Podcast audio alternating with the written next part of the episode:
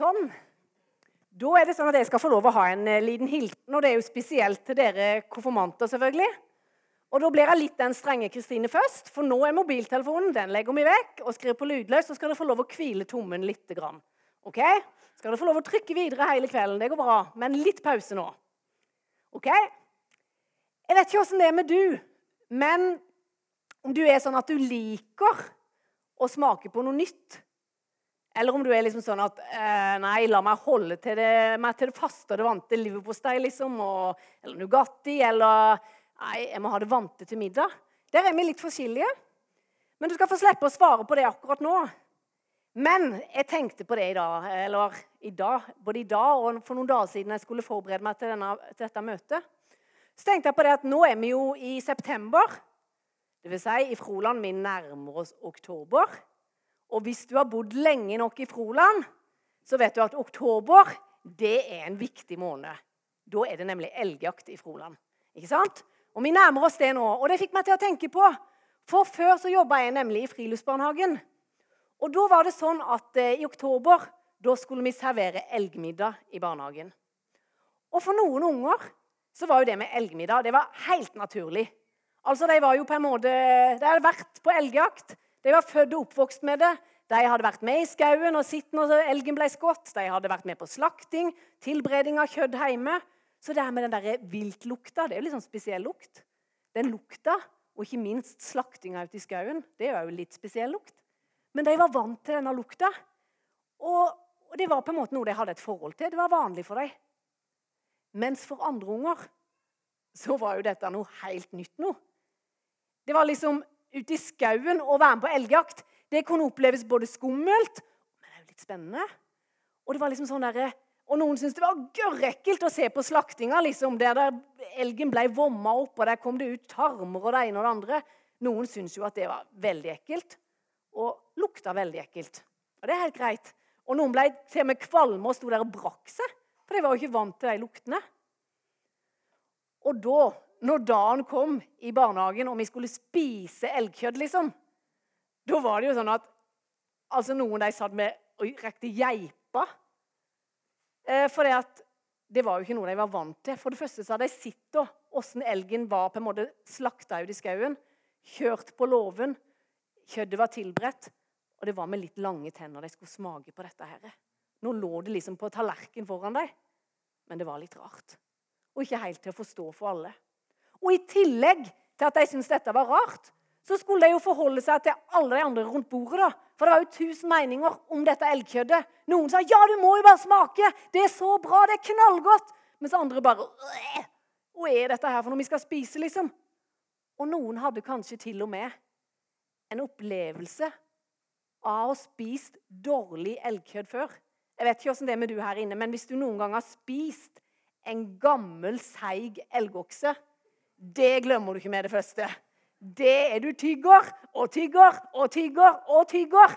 Og du blir liksom bare, det bare vokser i munnen. Du blir liksom aldri kvitt det. Kanskje noen hadde den erfaringen òg av å ha spist kleint elgkjøtt. Og de hadde jo ikke akkurat lyst til å smake på det som lå på tallerkenen foran dem da. Mens andre rundt det bordet var selvfølgelig kjempefornøyd med det de hadde smakt før. Poteter og saus det var liksom noe av det beste jeg visste om med dette elgkjøttet. Altså ulike opplevelser. Men så er jo greia da, at det nytter jo ikke her og alle andre sier. For det er jo faktisk sånn at vi må gjøre en egen erfaring. Selv om andre har både positive og negative erfaringer, så må du sjøl smake og gjøre en erfaring av det. Derfor har jeg satt overskriften i dag 'Smak og se at Herren er god'. For litt sånn tenker jeg at det er i forhold til tro òg. Hvem er Gud? Hvem i alle dager er Jesus? Og i forhold til dette året som dere konfirmanter nå skal igjennom, det nytter ikke hva alle andre sier. Du sjøl må finne ut av hva du vil med dette. I Bibelen så står det bibelverset der. Smak og se at Herren er god. Så er det sånn at Her inne så har vi med oss ulik bagasje, for å kalle det det. Erfaringer i livet. Noen her har vokst opp med foreldre eller foresatte som tror på det med Gud og Jesus. Kanskje er du vant til å være i kirka, er du vant til de smakene for å holde seg i det bildet. Er du vant til, Akkurat som noen var vant til både jakt og elgmiddag, så har du kanskje vokst opp med at Jesus har vært viktig for din mamma eller pappa eller besteforeldre eller noen i familien eller noen du kjenner. Og du har på en måte blitt mata med det. Men så er det nå at du sjøl må finne ut av dette her greiene. da. Bruk dette året til å komme med dine spørsmål, din tvil, din tro. Bruk dette året til å finne ut av mer, og du vil. For det er jo ikke lenger sånn at hele livet så skal foreldrene bare komme og sette maten foran deg, og så skal du spise. Etter hvert så må du faktisk begynne å finne ut av hva du vil spise sjøl. Og så kan det faktisk òg hende Vi snakka om kleint, dårlig elgkjøtt. Kanskje noen til og med har dårlige erfaringer i forhold til det med kristen tro. Nesten som det der seige elgkjøtt som jeg snakka litt om. Kanskje du har vært i en sammenheng der du fikk en dårlig erfaring eller en dårlig opplevelse av det i forhold til tro, som du kanskje aldri har fått snakka med noen om. Da er det mulighet for å snakke dette året. Snakke om det som kanskje du har en dårlig erfaring med. Jeg som pastor, andre troende eller andre kristne, vi er bare mennesker. Og jeg kan ha såra noen og gjort sånn at noen har fått en dårlig opplevelse. Andre kan ha såra noen eller sagt ting som gjør at noen får en dårlig opplevelse. Men da er det så viktig. Det betyr ikke at originalen er dårlig. For originalen, den vi må gå til, originalen det er jo Jesus. Originalen er Jesus. Det er han vi må finne ut av mer om. Og andre her inne har kanskje ikke smakt noe i det hele tatt av dette med Gud og Jesus. Det er kanskje helt totalt fremmed. Og det er helt greit. Elgjakt var helt fremmed for noen. Bare det å komme inn her i kirka, kanskje. Kanskje noen aldri har vært her før. Det kan oppleves fremmed. Høre de sangene som blir sungen. Se alle folka. Altså Noen av ungene i friluftsbarnehagen de lurte på dette. Og i alle dager hva er det egentlig de jegerne holder på med i denne skauen? Kanskje du har det samme spørsmålet. Og i alle dager er det de folka holder på med i denne kirka? Det er lov å stille de spørsmåla, og det er lov å være undrende. Salme 34 i Det gamle testamentet, der står det bibelverset 'Smak og se at Herren er god'. Det er en kar som heter David i Bibelen. Han har gjort en erfaring, og så oppfordrer han oss andre til å smake. Han har erfart det at Gud er hans redningsmann. Og så kan vi kanskje tenke det at det var en litt underlig måte å bli kjent med Gud på. Liksom smake og se. Men du har kanskje hørt at det er blitt sagt. Vi kan jo ikke si at vi liker det eller ikke liker det før vi har prøvd. Og det går faktisk ikke an å spytte ut noe som ikke du har smakt på. Eller du kan ikke kaste noe du ikke har hatt i hånda først. Så skal vi da ta David på det ordet at vi, om vi vil kjenne og smake av, smaken av Gud hvis vi våger. Og Da står det i Bibelen at da vil vi oppleve at han er god. Men hva kan smaken av Gud være, da, tenker du kanskje? Og egentlig smaken av Gud?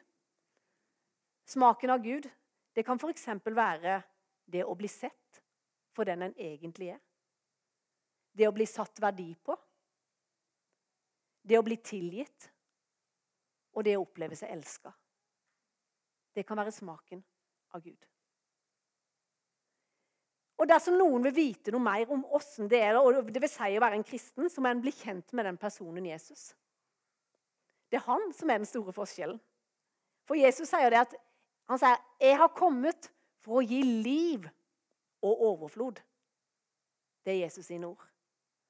Mange tror det at nei, Jesus han har kommet for å gi oss en haug med regler forferdelig slitsomt. En haug med regler og lover som vi aldri kommer til å klare å holde likevel. Så det der med Jesus det gidder jeg ikke prøve engang. Men Jesus han sier er kommet for å gi dere liv overflod'. Det er ikke først og fremst en religion, men det handler om en person. Kjennskap til en person, og den personen er Jesus. For Jesus han er interessert i oss mennesker sånn på ekte. Han kommer ikke bare liksom for å regulere atferden vår og si at sånn og sånn må du oppføre deg. Nei, han kommer for han er interessert i oss. Åssen kan vi vite det, da? Jo, det kan vi få vite mer om med å lese i Bibelen. Den er full av historier som viser oss hvem Jesus egentlig er. Jesus han viser at han var interessert i hele folkemengden, men så stoppa han òg hos den enkelte. Midt i folkemengden så, så han enkeltpersoner. Han stoppa hos den blinde mannen der som ingen andre gadd å stoppe. En blind mann som satt langs veien og ropte på Jesus. Der andre sa 'Ti stille på deg, Bartimeus! Skjerp deg! Tror du liksom Jesus gidder å bry seg om du?' Nettopp han valgte Jesus å stoppe opp hos. Jesus han brydde seg om dama som hadde hatt blodsykdom i mange år. Hun ble regna som urein på den tida. Hun var garantert helt utenfor samfunnet med de andre. Hun kjente garantert på mye utenforskap og ensomhet. Men hvem var det Jesus stoppa hos? Og hvem var det han snudde seg til? Ja, det var den dama. Der andre ville holde avstand, der var Jesus totalt annerledes. Han brydde seg, og han ville være nær. Så viser Jesus også gjennom Bibelen at han hadde følelser, sånn som du og meg. Den korteste setningen i Bibelen, vet du hvor den er? Jesus gråt. Altså Jesus grein, sa vi på frolandsk. Den står dessverre ikke på frolandsk, men eh, oversatt til frolandsk er det Jesus grein. Det er den korteste setningen i Bibelen. Så Jesus han hadde følelser sånn som oss. Han var menneske som du og meg, samtidig som han var Gud. Så han kjente på sorg og smerte. Han kjente på sorgen og smerten. Han hadde en medfølelse hos noen som hadde mista en nær venn. Og da grein Jesus, og han stoppa hos deg. Det forteller meg at Jesus er interessert i du og meg. Og så står det i Johannes 3, 16, det som kalles den lille Bibelen. altså Det er på en måte hele den Bibelen dere har fått, i bare noen få vers oppsummert. Der står det For så høyt Jeg har glemt å trykke. Sånn er det når jeg får trykk og skal trykke bilder sjøl. Ja. Der står det For så høyt har Gud elsket verden at han ga sin sønn den eneste, for at hver den som tror på han, ikke skal gå fortapt, men få et evig liv. Altså, så høyt har Gud elska verden. Hvem er verden, da? Hvem er det han snakker om her, egentlig? Er verden, Du kan kanskje tenke ja, det er alle andre, men verden, det er du, og det er meg. Fra Guds side så er du regna med i det han sier her. Ikke bare noen få eller alle andre, men faktisk alle mennesker i hele verden. Til og med de som vender Gud ryggen, til og med de som ikke vil ha noe med han å gjøre. De tenkte Gud på når han har sagt dette her. Alle er regna med. Og så kan vi vite det, ja. ja. Det kan vi se når vi ser Jesus på korset. For det forteller om en grenseløs kjærlighet. En grenseløs kjærlighet. Gud elsker du så høyt at han brydde seg så mye så han ønsker å få kontakt med du igjen. Og Gud var villig til å sende sin sønn Jesus ned til denne jorda. Det har du hørt om at skjedde i jula, når Jesus ble født. Da kom han ned til denne jorda, kom inn i denne verden. Og han ble født inn i denne verden for din og min skyld. For å fikse opp i alt det som vi roter til, for vi mennesker. Om vi tenker det eller ikke, om vi mener det eller ikke, så står det i Bibelen at vi alle sammen har synda. Jeg er den første til å rekke opp hånda. Jeg har gjort mye galt, sagt mye galt som jeg ikke er stolt over. Men så er jeg så glad for at det tenkte Jesus på når han hang på korset. Der tok han på all min synd. Og han valgte å ta den straffa for meg, sånn at jeg kunne få lov å gå fri. Og det samme gjelder på du. For at vi mennesker vi klarer ikke å fikse sjøl. Og heldigvis så slipper vi å fikse sjøl. For det er en som har fiksa alt for oss. Jesus døde altså, så han tok straffa så vi kunne gå fri. Og den, det som skjedde på korset, det var på en måte at Gud han bygde en vanvittig bro mellom himmelen og jorda, så vi mennesker igjen kunne få kontakt med Gud. Og den broa, den heter Jesus. Derfor er det så godt at det handler ikke om alt det vi mennesker skal gjøre, prestere, klare eller få til for igjen å få kontakt med Gud. Men det handler ene og alene om det Jesus har gjort. Så uansett vår bakgrunn, våre ressurser, det vi kan eller ikke kan, så er det Jesus som har fått til alt. Og det er jeg så uendelig glad for og takknemlig for. Så jeg har lyst til at du skal bli med meg på en liten tanke helt til slutt. Og hvis Jesus hadde kommet her til Froland, åssen hadde det vært, tro? Ut ifra sånn vi kan lese i Bibelen. Åssen ville det ha sett, sett seg ut? Åssen ville det tatt seg ut eller sett ut? Jeg vet men jeg tror Jeg tror raskt at Jesus ville tatt seg en kaffe eller Pepsi med de som er ensomme. Jeg tror det var de første han ville ha oppsøkt. Han ville ha gått til de som kjente på det at 'jeg føler meg alene'. Jeg føler meg ensom. Ensomhet kan være så mye. Det kan være at en kan være ensom midt i en stor mengde som dette, eller en kan være alene og ensom hjemme i sitt hus. Men garantert der, der tror jeg Jesus ville ha oppsøkt. Han ville ha brydd seg, han ville ha snakka, og så ville han ha tilbudt sitt vennskap. Og så tror han han ville ha trøsta de som kjente på enorm sorg. For Vi sa jo i stad at Jesus han grein. Han visste åssen det var å miste noen en var glad i. Han visste hva det var å sørge. Så jeg tror garantert Jesus ville ha gått til de som sørga. Så ville han satt seg ned og bare kanskje holdt en arm rundt dem. Og kanskje grene sammen med dem. For Jesus han viste inderlig medfølelse, står det i Bibelen. Så ville han satt seg ned og tatt seg tid til å høre på de som kanskje trengte bare å snakke litt. Og så ser jeg for meg at han ville gått innom Liens. For det at i Bibelen dere, der står det veldig mange plasser at han satt rundt et bord og spiste og var sammen med mennesker.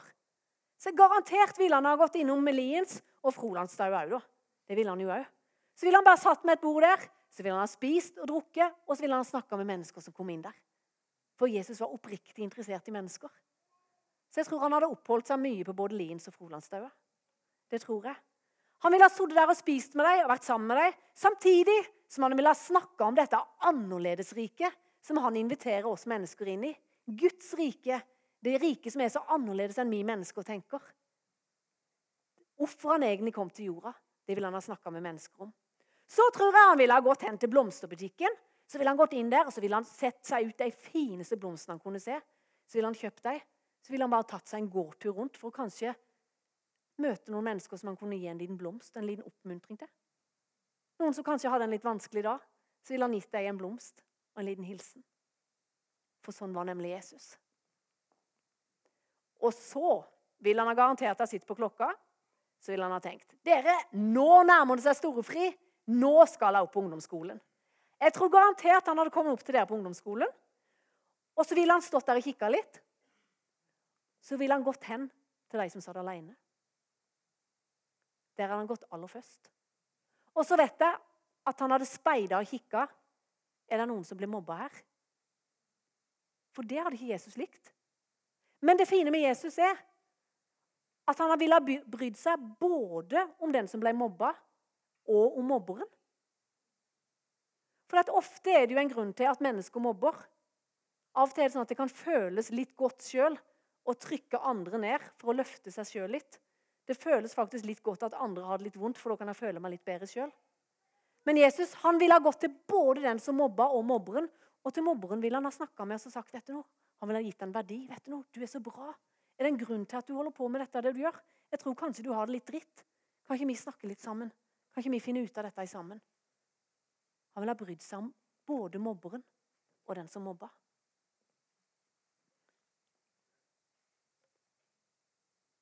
Jesus ville ha snakka på en tydelig, men kjærlig måte. Han ville ha snakka inn verdi i gutten eller jenta, sånn at det kunne bli slutt på å si stygge ting om andre. Men han ville ha vært med å løfte. Denne Jesus, denne personen, er den kan få lov til å bli kjent med hvis en vil. Men så er det sånn med Jesus, han trenger seg ikke på noen. For det er fri vilje. Vi må sjøl velge om vi vil ha med Jesus å gjøre i livet eller ikke. Han stopper opp hos den som vil. Personlig så må jeg få lov å si det at jeg er enormt takknemlig, akkurat som Jorunn sa, og at du har fått lov å bli kjent med personen Jesus. For det, det er en person som gir meg verdi, som elsker meg på min beste dag. Men så det som er så godt, at han elsker meg like mye på min verste dag. Han er konstant. Han er akkurat lik mot meg. Uansett om jeg har en god dag, eller om jeg er litt sånn der, den der dritt-Kristine, så elsker han meg like mye uansett. Det er han som gir meg verdi og forteller meg hvem jeg er.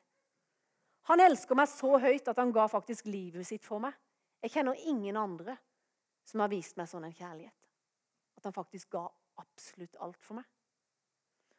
Og ikke bare det, men så er det så godt å vite det at han er en Gud som gir meg en kraft utenfor meg sjøl. For de som er her inne og har levd, levd noen år, vet at livet det er ikke bare sånn der på høyden. Det er både på høyden, og så får vi båndene av og til. Men det å vite at det er én person som er med meg gjennom alt Og for det om jeg har Jesus med meg i livet, så er det ikke sånn at en blir skåna for både krig, sykdom, død og vonde ting. Men den store forskjellen er at det er en som går med meg gjennom alt. Og jeg slipper å være den sterke sjøl, men jeg kan få lov å lene meg på en som er den sterke, og som har gjort alt for meg. Han er det som fortsatt i dag står og sier at du kan få lov å smake og kjenne at han er god. La oss be til slutt. Takk, gode Gud, at du valgte å sende din sønn her ned til jorda. Takk, Jesus, at du var villig til å dø på et kors for vår skyld. Og gjør alt det som vi aldri kommer til å klare, Jesus. Takk at det å, å følge du, Jesus, og det å tro på du, Jesus, det handler ikke om våre prestasjoner. Men det handler bare om det du har gjort, Jesus. Så kan vi få lov å være sammen med du, Jesus, og bli mer og mer kjent med du, Jesus, og det å gå veien i sammen med du, Jesus. Takk at du er tålmodig i møte med oss. Og takk at det er troen på du alene som frelser oss, ikke våre gjerninger. Jeg takker deg for at du kjenner alle som er her inne i kveld, Jesus. Bare ber deg, Jesus, om at, eh, at flere her inne skal få lov å smake og kjenne at du er god. At du er en Gud som bryr deg, en Gud som er interessert i oss, og en Gud som ønsker å gå hele veien for oss. Takk, Jesus. Takk at du er det som er veien til Gud. Ber om din velsignelse og vær nær de som kjenner at de trenger en oppmuntring fra du i dag, Jesus.